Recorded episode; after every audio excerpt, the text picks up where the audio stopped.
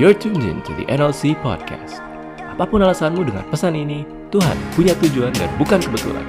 Buka hati dan perubahan bisa terjadi karena firman lebih tajam dari sekadar pesan. Selamat mendengarkan.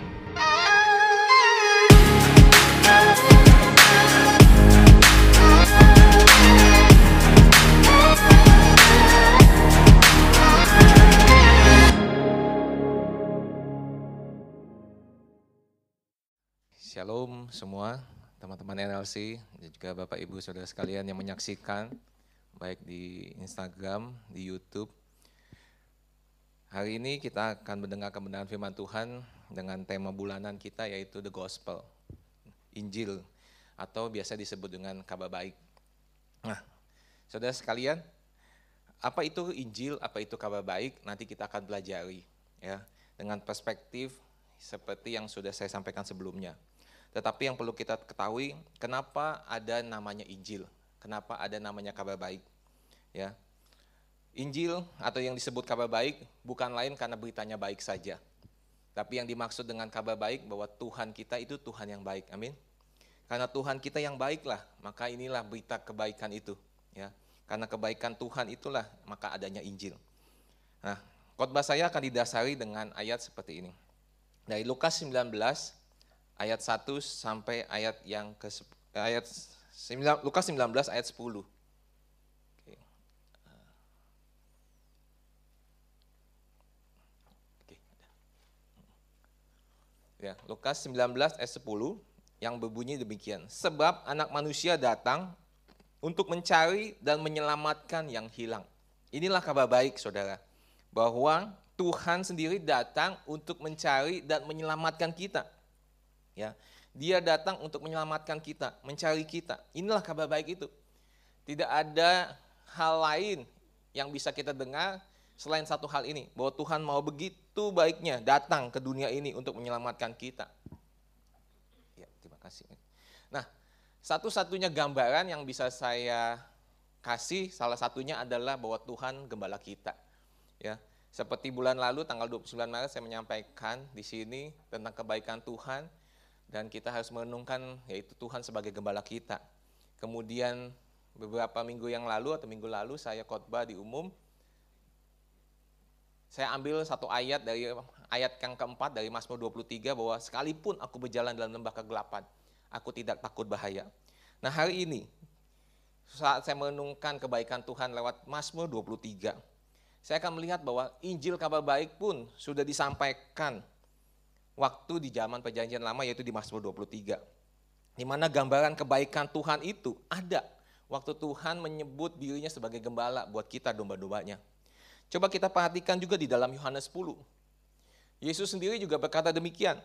Aku datang supaya mereka mempunyai hidup dan mempunyainya dalam segala kelimpahan.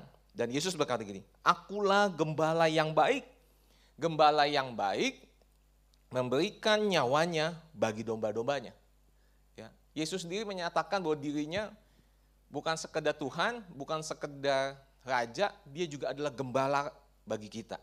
Dan di dalam Ibrani 13 ayat 20, Paulus juga mengatakan gembala agung segala domba, yaitu kita semua, yaitu Yesus Tuhan kita. Yesuslah gembala kita, saudara. Yang harus kita lihat, dialah kabar baik itu sendiri. Ya. Nah, Yesus bukan sekedar hanya jadi gembala yang baik, tapi gembala yang agung, gembala yang luar biasa, the great shepherd. Ya. Dia gembala yang benar-benar bagi kita semua. Tanpa itu semua kita nggak akan mungkin menjadi anak-anak Tuhan yang dikasih Tuhan. Karena itu hari ini saya mendasari untuk mendengar Injil kabar baik. Mari kita renungkan lagi Mazmur 23. Ya, saya akan bacakan kepada Bapak Ibu. Biar ini menjadi perenungan kita bersama. Mazmur 23, Tuhanlah gembalaku. Mazmur Daud, Tuhan adalah gembalaku. Tak akan kekurangan aku. Ia membaringkan aku di padang yang berumput hijau. Ia membimbing aku ke air yang tenang. Ia menyegarkan jiwaku. Ia menuntun aku di jalan yang benar oleh karena namanya. Sekalipun aku berjalan dalam lembah kegelaman, aku tidak takut bahaya, sebab engkau besertaku. Gadamu dan tongkatmu, itulah yang menghibur aku. Engkau menyediakan hidangan bagiku di hadapan lawanku. Engkau mengurapi kepalaku dengan minyak, pialaku penuh melimpah. Kebajikan dan kemurahan belaka akan mengikuti aku seumur hidupku. Dan aku akan diam dalam rumah Tuhan sepanjang masa. Amin. Inilah yang menjadi perenungan saya. Dan saya berharap Bapak Ibu dan Saudara sekalian, termasuk teman-teman yang coba renungkan Mazmur 23, yang menjadi kekuatan kita. Di saat kita mungkin lagi mengalami masalah ekonomi, sakit penyakit, percayalah Tuhanlah gembala kita. Dia gembala yang baik. Nah, berbicara tentang kabar baik saudara, selalu kalau kita dengar ada kabar baik dan kabar buruk. Kabar buruk itu selalu menyedihkan, selalu menyesakkan. Tetapi yang namanya kabar baik, kalau saya dengar kabar baik, wah itu sesuatu yang menyenangkan dan menghibur, betul nggak? Kalau kita mendengar kabar baik. Dan di ayat yang kita baca tadi di Mazmur 23, ada kata-kata penghiburan. Yaitu apa? Di sana dikatakan gini, gadamu dan tongkatmu itulah yang menghibur aku. Nah dari sinilah kita akan belajar. Apa itu kabar baik? Berdasarkan perspektif Tuhan sebagai gembala kita. Dan yang menghiburkan dikatakan adalah gada dan tongkat. Ya, gada dan tongkat Tuhan. Nah, apa itu gada, apa itu tongkat? Nah, saya searching di Google, ini gambaran gada dan tongkat. Ini dua pelengkapan yang wajib dibawa oleh seorang gembala. Gada itu yang kecil, tongkat pemukul. Ya.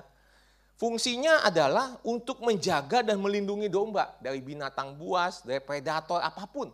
Ya, kalau ada yang berusaha menerkam, mengambil, menggigit domba, dia gunakan namanya gada. Sedangkan tongkat itu adalah yang panjang, yang ada lengkungannya di atas. Ya. Tongkat itu tujuannya adalah untuk membimbing, untuk mengarahkan domba. Ya. Kalau misalnya dombanya lari langsung ditarik cangklongannya gitu, ditarik. Jangan lari, balik sini, diarahkan untuk mengikuti gembalanya. Apa arti dari gada dan tongkat ini, saudara? Gada ini kalau berbicara tentang perlindungan Tuhan dan juga untuk menjagai kita adalah tentang kuasa dan otoritas Tuhan dalam hidup kita. Ya. Ada kuasa dan otoritas Tuhan dalam hidup kita. Dan tongkat itu berbicara tentang kepedulian, kasih setia Tuhan, dan belas kasihannya kepada kita. Nah, inilah yang menghibur kita. Ya. Waktu domba melihat gembala dengan membawa dua perlengkapan ini, dia terhibur. Kenapa? Karena itu menunjukkan bahwa gembalanya sedang penuh kuasa dan otoritas gembala itu sedang punya kasih setia dan belas kasihan yang penuh kepada dombanya untuk terus mengalahkannya. Nah, inilah yang akan kita pelajari. Ya, apa itu kabar baik dengan perspektif Tuhan adalah gembalaku. Lewat dengan ayat gadamu dan tongkatmu, itulah yang menghibur aku. Nah, dari Lukas 19 ayat yang ke-10 tadi saudara, ya, Lukas 19 ayat ke-10 tadi, ada dua kalimat gini, Sebab anak manusia datang untuk mencari dan menyelamatkan yang hilang. Saya akan mengupas sedikit ayat ini. Apa yang dimaksud bahwa Tuhan itu mau datang mencari dan menyelamatkan yang hilang. Setidaknya ada dua hal, yaitu bahwa Tuhan mau mencari kita dan menyelamatkan kita. Dan bahwa kita sebagai domba itu dianggap Tuhan terhilang. Ya. Nah yang pertama, Tuhan mencari dan menyelamatkan kita bahwa kita dianggap Tuhan terhilang. Kenapa Tuhan menganggap kita terhilang? Karena tanpa Tuhan, saudara, kita semua adalah domba yang terhilang. Tanpa Tuhan, kita semua tersesat. Tanpa Tuhan, semuanya kita ini dianggap binasa. Tetapi Tuhan mau datang mencari dan menyelamatkan kita. Dalam Matius 18 ayat 12 firman Tuhan katakan begini, jika seorang mempunyai 100 ekor domba dan seekor di antaranya sesat atau terhilang. Tidakkah ia akan meninggalkan yang 99 ekor di pegunungan dan pergi mencari yang sesat itu? Yesus sedang mengisahkan, kalaupun kalian ada 100 domba dan satu yang tersesat, apakah kalian gak akan mencarinya? Kalaupun kalian enggak, kata Tuhan, aku tetap mencarinya. Karena aku gembala yang baik. Aku mencari yang terhilang itu. Nah saudara, Tuhan mencari dan menyelamatkan kita. Karena di mata Tuhan kita terhilang. Mungkin saudara berpikir begini, kenapa sih mesti Tuhan datang ke dunia mencari kita yang terhilang ini? Ya. Apa nggak ada cara lain, repot-repot Tuhan mesti datang ke dunia ini? Kalau saudara berpikir seperti saya semula, coba pikirkan kembali. Apakah Tuhan nggak pernah berpikir cara lain? Saya percaya Tuhan punya pikiran dan Tuhan berpikir cara yang lain. Tetapi kenapa Tuhan mau datang mencari kita ke dunia ini yang fana? Karena memang gak ada cara lain saudara. Gak ada. Kalau kita orang Indonesia yang suka nawar di pasar, pasti kita cari yang paling murah, paling mudah. Kalaupun Tuhan modelnya kayak saya, dia pasti cari yang paling mudah dan paling murah. Cuman masalahnya gak ada cara lain. Dia harus datang menyelamatkan kita. Datang ke dunia, mati di atas kayu salib untuk menyelamatkan kita. Itulah yang perlu kita sadari Tuhan begitu baik, dia adalah gembala yang baik, mau mengorbankan segala-galanya untuk kita. Karena dia mengasihi kita. Ya. Dan yang kedua, yang terhilang itu, bahwa kita sebagai domba dianggap Tuhan adalah domba yang terhilang.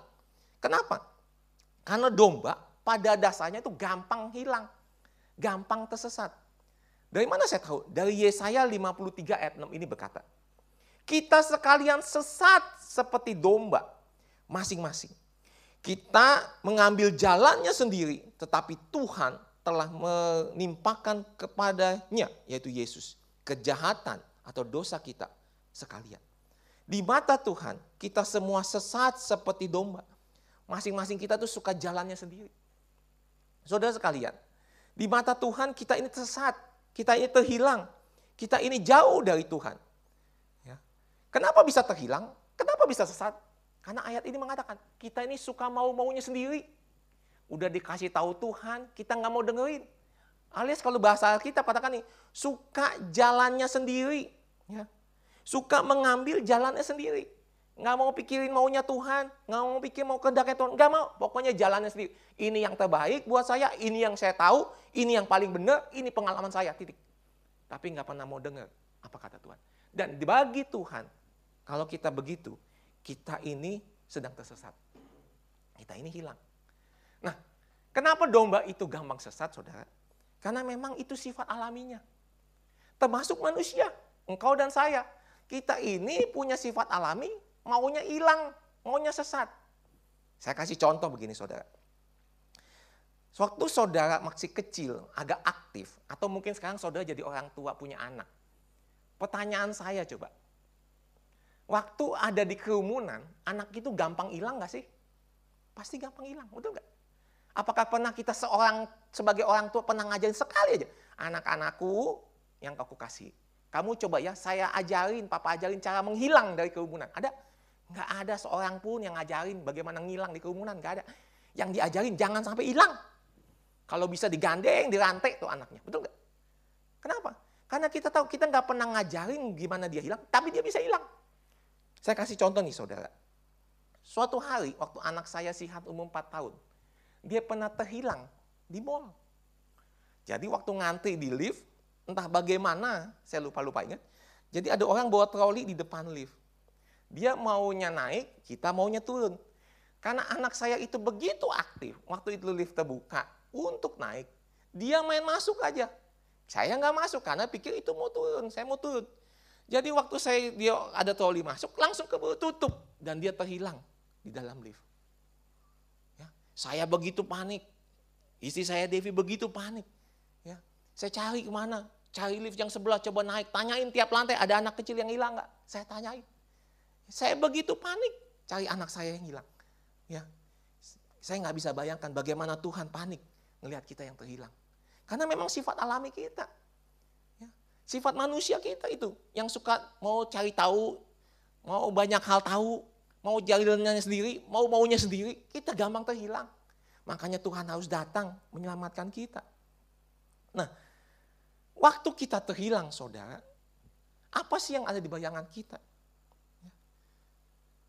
Terhilang, tersesat, sama sebenarnya dengan kata-kata seperti kalau kita sedang lagang dalam lembah kekelaman, lembah kegelapan, lembah bayang-bayang maut. Kita bingung, kita nggak tahu jalan keluarnya, dan kita tersesat. Banyak orang berpikir demikian saudara. Saya kasih gambaran ada lima hal. Lima pandangan orang yang sering kali waktu dia ada di dalam lembah, di dalam kekelaman, di dalam lobang, sumur yang menakutkan itu. Setidaknya ada lima pandangan dunia yang ada. Yang pertama adalah begini. Waktu kita terhilang, kita berpikir, wah Tuhan sedang menghukum kita. Tuhan itu kejam, tahu nggak? Tuhan itu ganas. Kalau kamu nggak taat, pasti dihukum. Detik itu juga. Ada orang berpandangan seperti itu. Ya, pandangan dunia seperti itu. Bahwa Tuhan itu kejam, Tuhan itu jahat. Dia minta tuntunan ketaatan kita dengan pasti. Tanpa itu semua, Tuhan hukum kita. Dan banyak orang percaya, orang Kristen, punya pandangan seperti itu. Tapi apakah itu yang benar? Belum tentu, saudara. Dan tidak benar sebenarnya.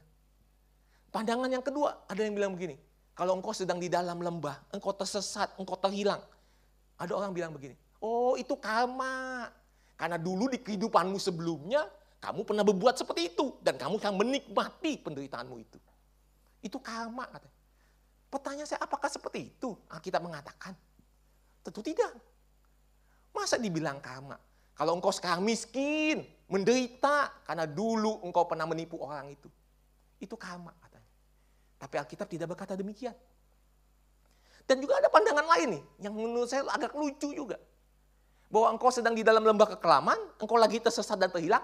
Pandangan ini bilang begini, ah itu hanya ilusi. Pikiranmu saja yang berpikir demikian. Hah, masa sih saya pikir? Hah, kalau kita lagi jatuh miskin, lagi sesat, itu cuma ilusi, cuma ada di pikiran kita. Ya, Jangan-jangan itu cuma bayang-bayang aja yang buah-buah. Enggak, enggak kenyataan hidup kita memang ada saudara. Kita menderita iya, kita sakit iya. Karena sebelumnya saya pernah bilang, kemalangan orang benar kata firman Tuhan. Itu banyak. Tetapi Tuhan pasti menolong kita one by one. Bukan ilusi. Jadi waktu engkau sakit, yes engkau sadar itu.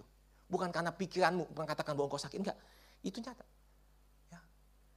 Memang saya setuju saudara, bahwa kita harus punya pikiran yang positif dibanding pikiran yang negatif. Tetapi kita harus juga punya berpikir seperti firman Tuhan. Jangan berpikir seperti dunia. Ya. Berpikir positif oke-oke aja. Ya. Tetapi harus didasari dengan kebenaran firman Tuhan. Karena kalau enggak, bahaya itu. Ya. Banyak bilang, oh itu cuma ilusi, jangan dipikirin. Ya, nggak bisa Tuhan. Tapi kita harus berpikir yang benar, yaitu sesuai dengan kehendak Tuhan. Pandangan yang keempat adalah zaman-zaman sekarang ini, yang disebut zaman New Age yang bilang begini, you can do it. Ya, nyanyikan, I believe I can fly. Wah, yang benar aja. Namanya juga lagi di lubang, nggak bisa keluar sendiri, di dalam kelembah kekelaman. Terus orang cuma bisa, yes you can do it, percaya saja. Engkau adalah Tuhan bagi dirimu sendiri. Kita bukan Tuhan, saudara. Manusia tetap manusia. Tuhan tetap Tuhan.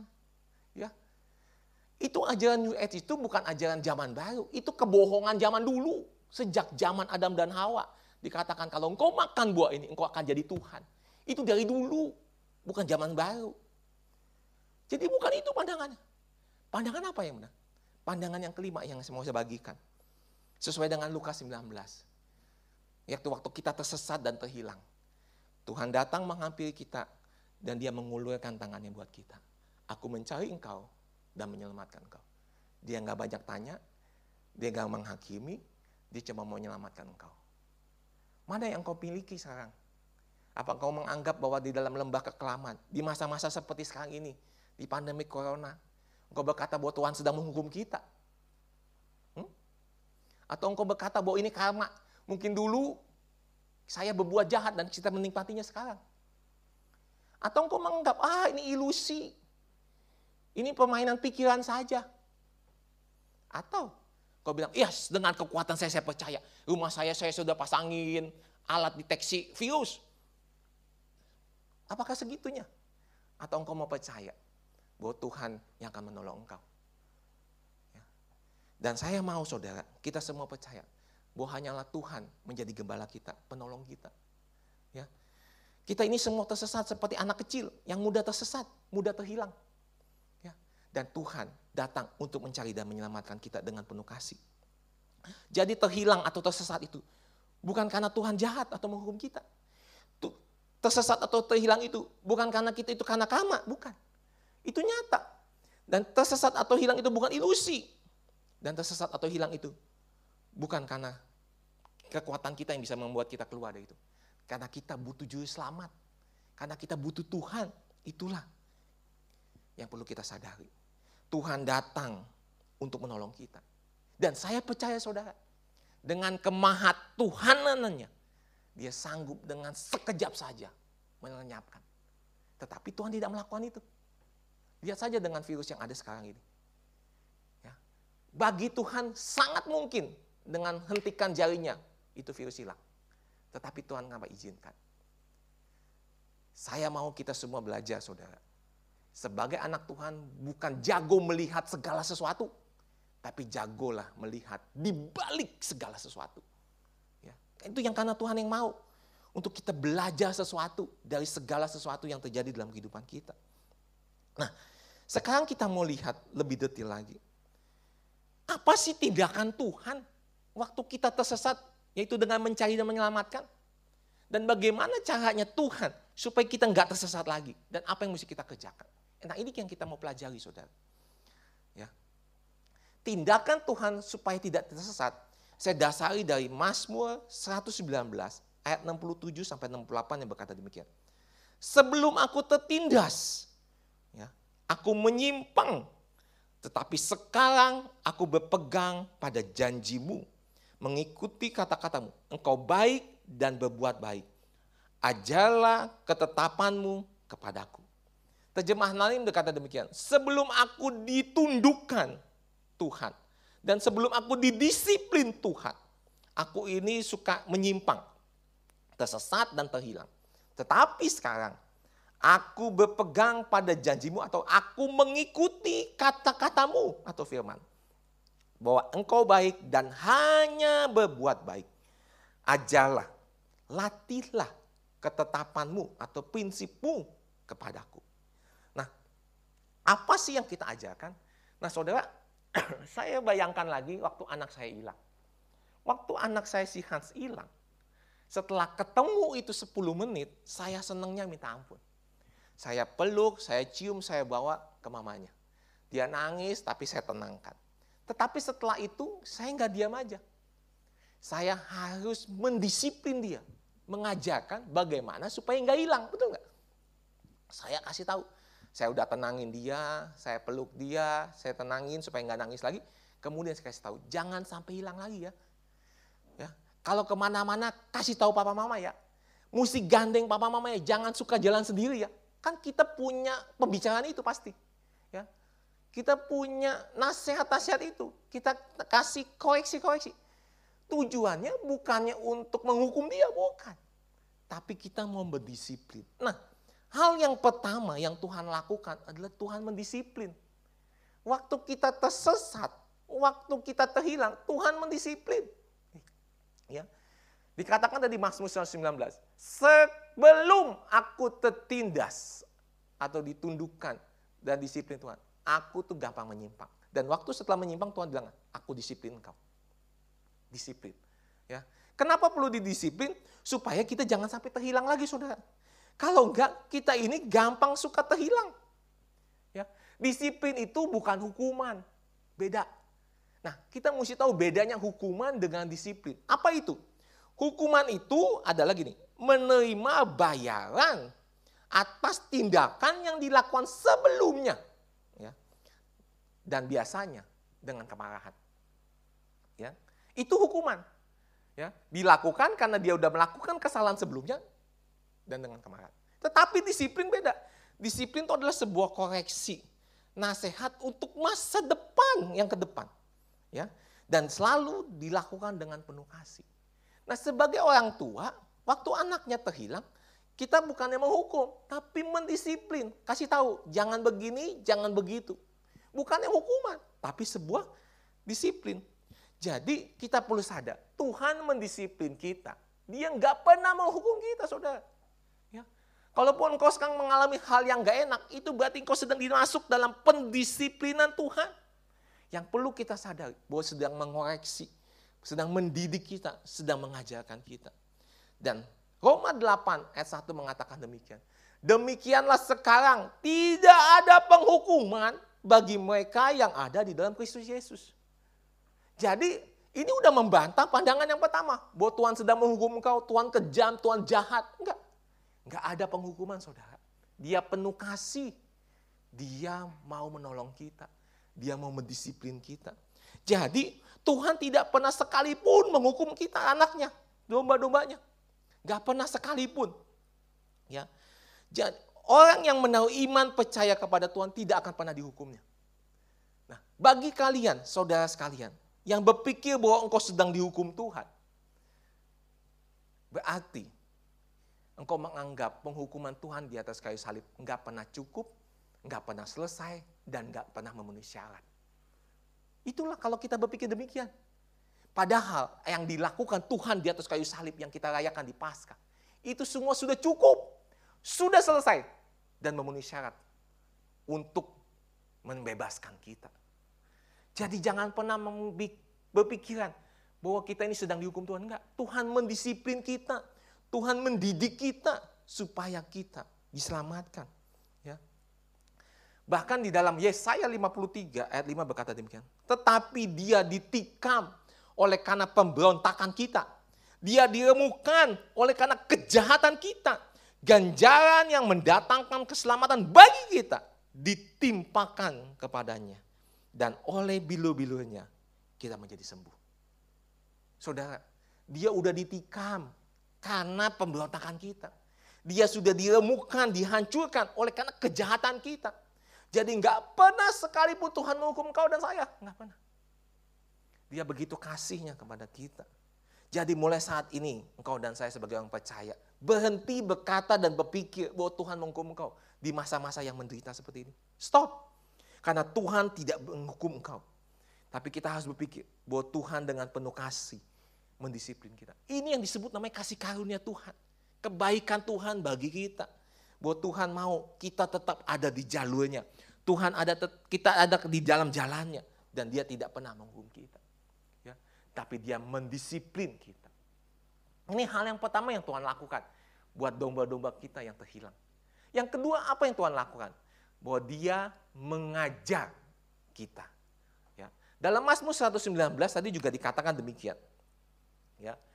Ajarlah, didiklah, aku akan ketetapan-ketetapanmu, prinsip-prinsipmu. Nah, yang Tuhan lakukan yang kedua kali saudara, bahwa dia akan mengajar kita. Ya, mendidik kita. Mazmur 119 ayat 71 juga berkata demikian. Bahwa aku tertindas. Ya, ini bahasa lain. Tapi sama ini, ditundukkan, didisiplin oleh Tuhan. Itu baik bagiku. Ya. Supaya apa? Aku belajar ketetapan-ketetapanmu. Aku belajar prinsip-prinsipmu. Jadi segala sesuatu saudara.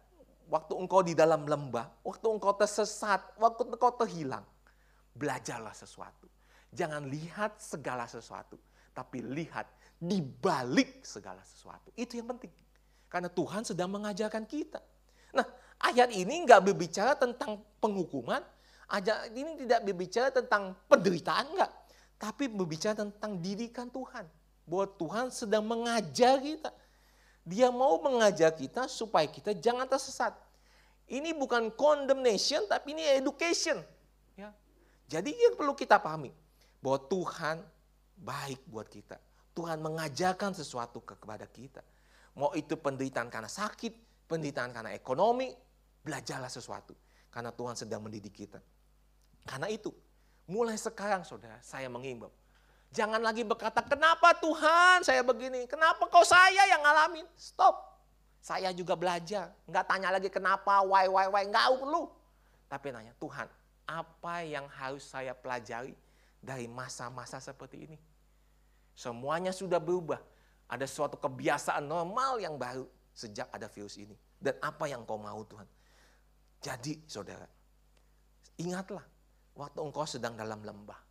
Waktu engkau sedang dalam penderitaan. Waktu engkau tersesat. Ini bisa aja menjadi toaknya Tuhan untuk memanggil kita. Ini bisa aja menjadi speakernya Tuhan untuk mendapatkan perhatian kita. Dan bahkan ini juga menjadi alat yang paling efektif buat Tuhan. Untuk kita balik kepada Tuhan dan mengandalkan Tuhan. Nah, bagaimana caranya kita belajar ketetapan-ketetapan Tuhan? Ya. Kalau kita lihat ayatnya selanjutnya tadi Saudara. Bahwa untuk belajar ketetapan-ketetapan Tuhan, caranya adalah dengan menenungkan firman yang nggak ada lain. Cara kita untuk mengenal prinsip-prinsip Tuhan adalah lewat kebenaran firman Tuhan. Dan waktu kita belajar firman Tuhan, itu yang dinamakan oleh kita menjadi bijaksana. Itu menjadi berhikmat. Karena itu, orang bijaksana itu belajar dari kebenaran firman Tuhan. Pepatah dunia pernah begini, bahkan saya juga pernah mengatakannya. Orang pintar belajar dari pengalamannya sendiri.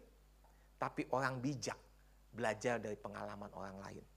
Tapi orang yang bijaksana dan berhikmat belajar dari firman Tuhan.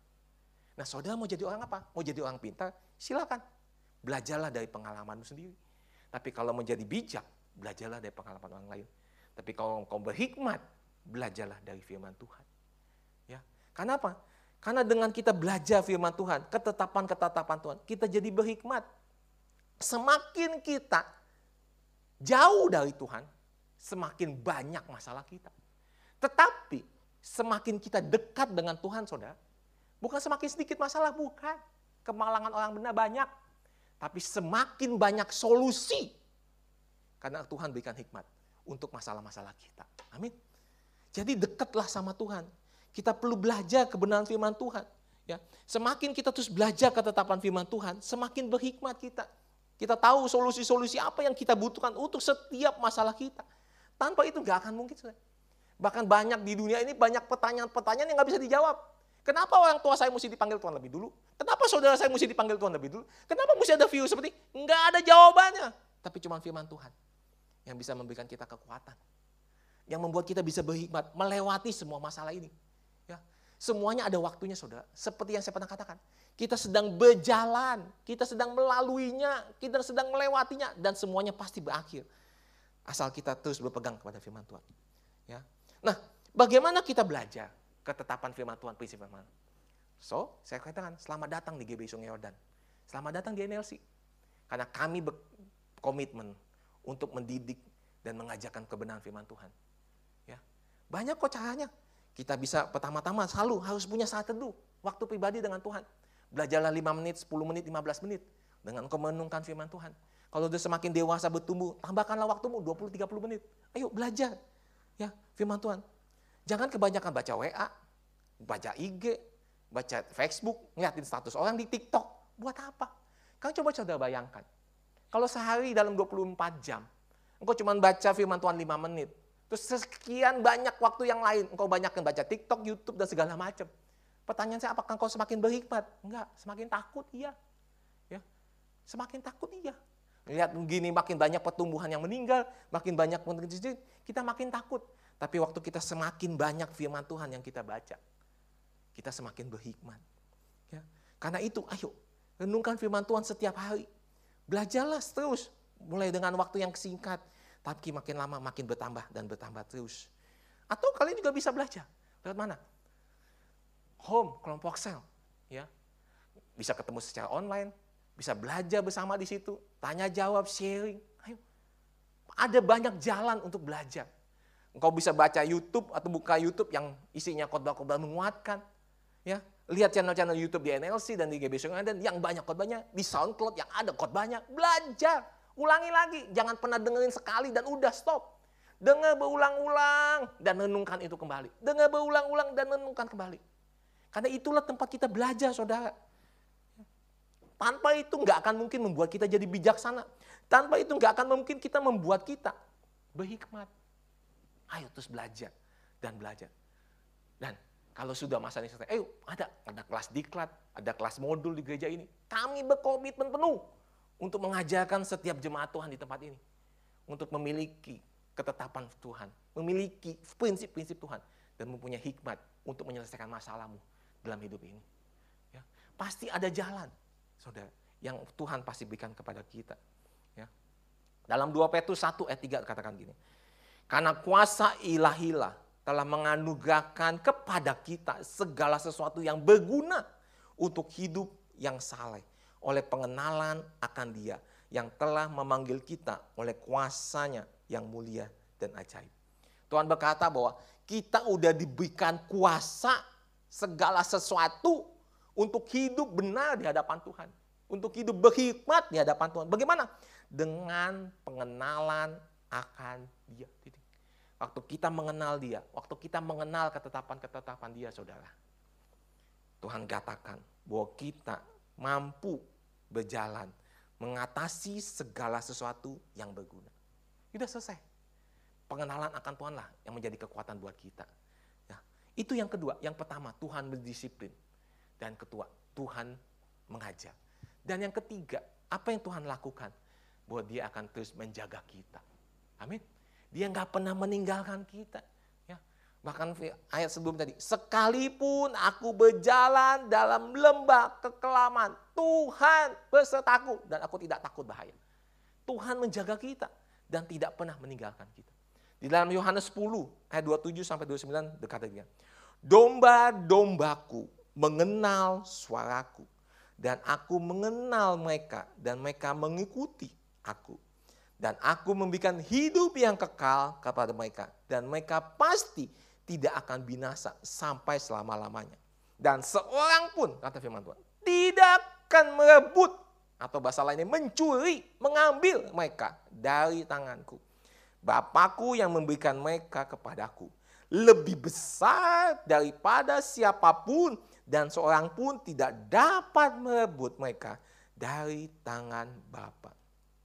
Sekali lagi saudara, waktu engkau menaruh hidupmu kepada Tuhan, dan engkau percaya bahwa Tuhan satu-satunya Tuhan dan Juru sebagai gembalamu, maka kalau engkau sudah menaruh hidupmu di tangan Tuhan, enggak ada bisa melepaskan engkau dari tangan Tuhan. Enggak ada. Ya. Kalau keselamatanmu karena perbuatanmu, kalau engkau kepleset saja tidak melakukan perbuatan baik, keselamatanmu hilang. Tetapi karena kita percaya keselamatan kita dari Tuhan, karena kebaikan Tuhan yang buat baik kepada kita, itu tandanya bahwa keselamatan kita dijamin oleh Tuhan. Keselamatan kita, hidup kita ada di tangan Tuhan. Mungkin saudara pernah berpikir begini, bagaimana kalau orang itu yang melepaskan keselamatannya? Bahwa dia itu melarikan diri dari tangan Tuhan. Saya cuma berpikir sederhana begini saudara. Menurut saudara memang seberapa besar sih tangan Tuhan? Hmm? Kalau Alkitab mengatakan bahwa bumi itu tumpuan kakinya atau alas kakinya, menurut saudara tangan Tuhan segede apa? Bisakah kita lepas dari tangan Tuhan? Bagi saya menurutnya sebenarnya nggak akan pernah bisa. Kau nggak akan pernah menemukan batas ujung dari tangannya Tuhan, nggak pernah. Nggak pernah saudara. Ya. Waktu engkau meninggalkan Tuhan, seperti kisah yang Tuhan ceritakan anak yang hilang, dia tetap menanti engkau. Dia menanti engkau. Sebenarnya engkau ada di dalam tangannya, di dalam kasihnya. Dan enggak pernah keluar dari jangkauannya. Enggak akan pernah. Ya, tinggal bagaimana engkau mau berbalik dan sadar bahwa Tuhan tetap mencintai engkau. Mengasihi engkau. Jadi, dia akan terus menjaga engkau. Dia akan menyertai engkau. Bahkan sekalipun di dalam lembah kekelaman. Sekalipun itu. Ya, mungkin itu karena kesalahanmu sendiri. Karena kebodohan kita sendiri. Karena kita nggak berhikmat karena ucapan kita yang sembarangan. Tapi ingat, Tuhan menyertai engkau dan tidak pernah meninggalkan engkau. Ya, dia terus menjagai kita. Ya, 24 jam, bahkan penjaga kita nggak pernah tertidur. Itu yang Tuhan berikan buat kita. Ya. Kita sebagai orang tua, punya anak yang pernah terhilang, kita akan jaga lebih waspada. Itu manusia. Bisa kepleset? Iya. Tapi saya percaya Tuhan nggak akan pernah terpleset. Mata dia akan terus memandang kepada kita. Maka dikatakan waktu doa-doa berkat, nah, wajahku akan memandang pada engkau terus. Kemuliaan makaku akan ada padamu. Dan tidak pernah terlepas dari pandangan Tuhan, saudara. Karena itu, percayalah sungguh bahwa Tuhan akan menjagai kita. Dia ada beserta engkau dan saya dan tidak pernah meninggalkan engkau. Ya. Dan nggak kena itu saudara. Nggak ada satupun yang bisa memisahkan kita dari kasih Tuhan. Ya. Roma 8 ayat 38 dikatakan demikian. Sebab aku yakin, ya. Biarlah ini bacaan ini buat engkau dan saya sendiri. Baca secara pribadi. Bahwa baik maut maupun hidup, baik malaikat-malaikat maupun pemerintah-pemerintah, baik yang ada sekarang maupun yang akan datang sekalipun, atau kuasa-kuasa baik yang di atas maupun yang di bawah ataupun segala makhluk lain sesuatu yang tidak dapat memisahkan kita dari kasih Allah yang ada dalam Kristus Yesus Tuhan kita. Baca ini secara pribadi saudara. Enggak ada yang bisa memisahkan kita. Mau dengan kebodohanmu, dengan ucapanmu, enggak ada. Tuhan tetap menanti engkau selama engkau masih bernafas. Dia mau engkau balik lagi kepada Tuhan. Ayo. Masih ada kesempatan yang Tuhan berikan. Inilah yang disebut kabar baik. Dia mencari dan menyelamatkan. Dia menunggu kita untuk kembali. Inilah kabar baik, inilah Injil itu bahwa Tuhan begitu mengasihi kita. Bahwa dia gembala yang baik. Gembala yang begitu mencintai kita dengan tongkatnya dan gadanya. Nah saudara, mungkin saudara masih bertanya-tanya kenapa ini mesti terjadi sih? Kenapa penderitaan seperti ini mesti ada? Ya, kalau Tuhan begitu baik, kenapa mesti ada namanya penderitaan? Kenapa mesti tersesat? Kenapa mesti terhilang? Dan Tuhan izinkan itu. Saudara, karena Tuhan mau kita semakin serupa sepertinya. Itu aja kemauan Tuhan. Ya. Dan Tuhan mau keserupaan kita itu dasarnya karena kemauan kita sendiri. Tuhan gak mau ciptain kita kayak Pinocchio. Yang mesti digerakkan dengan talinya dia. Gak mau. Dia mau menggerakkan kita dengan hatinya kita sendiri. Bahwa dia mau mencintai kita apa adanya. Dan kita mencintai dia dengan sungguh-sungguh. Bukan karena paksaan. Kita ini bukan Pinocchio yang harus dikendalikan Tuhan, enggak. Tapi dengan kesadaran sendiri. Dia mau memberikan kita kasihnya dan kita membalasnya. Nah, inilah yang disebut namanya kehendak bebas, saudara. Dan saudara mesti paham, kehendak bebas itu adalah pemberian terbesar Tuhan buat manusia. Dan juga kutukan paling jelek buat manusia. Kenapa? Karena kita ini suka ngambil keputusan yang salah. Itu aja. Makanya kita suka jalan-jalannya sendiri, suka mau-maunya sendiri. Ya. Kalau kita nggak ikut dalam Tuhan, ini menjadi kutukan, saudara. Kita ngambil yang salah, memutuskan yang salah. Ya, kehendak bebas itu, Tuhan nggak maksa kita. Tapi waktu kita menaruh kehendak bebas kita, karena cinta kita kepada Tuhan, kehendak bebas kita menjadi hikmat, jadi bijaksana. Ya. Karena itu saudara, ayo letakkanlah hidupmu sungguh-sungguh kepada Tuhan. Kalau tidak, hidup kita akan jalan. Dan sering kali memang masalah itu terjadi karena kesalahan kita sendiri. Bukan karena Tuhan. Ya. Saya pernah katakan, jangan pernah menyalahkan Tuhan. Karena memang di dunia ini sudah ada hukumnya, saudara. Udah ada hukumnya. Udah ada konsekuensi-konsekuensi yang harus kita hadapi. Ya. Waktu engkau melakukan sesuatu yang buruk dan yang jahat, pasti ada konsekuensinya. Waktu engkau melakukan yang baik, pasti ada konsekuensinya. Pasti ada. Dan itu bukan karena Tuhan menghukum kita, bukan itu sudah ada hukumnya. Seperti hukum gravitasi, hukum tabu tuai, hukum menghormati orang tua, itu udah ada hukumnya. Ya. Tujuannya apa sih hukum itu? Untuk melindungi kita. Kenapa pemerintah ada hukum? Kenapa melarangkan PSBB? Itu untuk melindungi kita, bukan menghukum kita. Jadi yang perlu kita sadari, kita diberikan tetap kehendak bebas untuk memilih. ya Memilih. Tapi engkau mau ikuti jalannya atau enggak? Itu terserah engkau. Sama seperti pemerintah. Jangan mudik pesannya. Tapi kalau engkau masih mau mudik juga dan menyebarkan virus itu kepada keluargamu, itu salahmu sendiri, bukan salah pemerintah. Bukan karena Tuhan jahat, bukan. Tapi Tuhan mau melindungi engkau dan keluargamu. Itulah maksudnya. Kalau Tuhan bertindak seperti itu. Karena itu saudara, jangan pernah nyalain Tuhan. Jangan terlena dengan bayang-bayang yang sebenarnya nggak pernah-pernah melukai kau. Ya, tapi percayalah kepada Tuhan bahwa Tuhan begitu mengasihi. Amsal 23 ayat 25 berkata demikian. Janganlah takut kepada kekejutan yang tiba-tiba atau masalah yang datang tiba-tiba atau kepada kebinasaan orang fasik kata firman Tuhan. Bila itu datang karena apa? Tuhanlah yang akan menjadi sandaranmu, yaitu keamananmu dan akan menghindarkan engkau dari kakimu dari jerat. Menghindarkan itu artinya membuat engkau aman dan terus menjaga engkau. Ya. Dia akan terus menjaga kita, saudara. Ya. Dia akan mengeluarkan kita. Karena itu firman Tuhan, jangan takut dengan kejutan. Jangan kaget. ya Jangan heran dengan masa yang tiba-tiba. Tapi ingatlah, Tuhan yang menjadi sandaran kita. Tuhan yang menjadi keamanan kita. Tuhan yang jadi pelindungan kita. Nah sekarang saudara mau bayangkan. Inilah kabar baik saudara. Bahwa engkau punya gembala yang baik. Gembala agung yang baik. Yaitu namanya Yesus. Dia akan selalu menjaga kita senantiasa 24 jam. Karena kita ini domba yang gampang tersesat. Dia tahu. Dia akan terus mencari dan menyelamatkan kita. Dia akan terus mendisiplin kita supaya kita tidak tersesat. Dia mengajarkan kita jalan-jalannya supaya kita makin beriman. Dan dia akan terus menjaga kita. Karena dia penjaga kita yang setia. Amin. Nah sekarang coba saudara renungkan. Siapa sih yang menjadi gembalamu? Bisakah engkau berkata secara pribadi bahwa Tuhan menjadi gembalamu? Atau saat ini engkau merasa seperti domba yang terhilang. Domba yang nggak punya gembala. Ketahuilah saudara, kalau engkau seperti itu, domba yang tanpa gembala, di dunia ini terlalu banyak binatang buas yang akan menerkam engkau. Terlalu banyak predator yang akan mengincar engkau. Karena itu pikirkanlah siapa yang kau andalkan dalam hidup ini. Kalau engkau pegang Tuhan, engkau akan pernah rugi. Karena Tuhan akan terus menjaga engkau. Amin.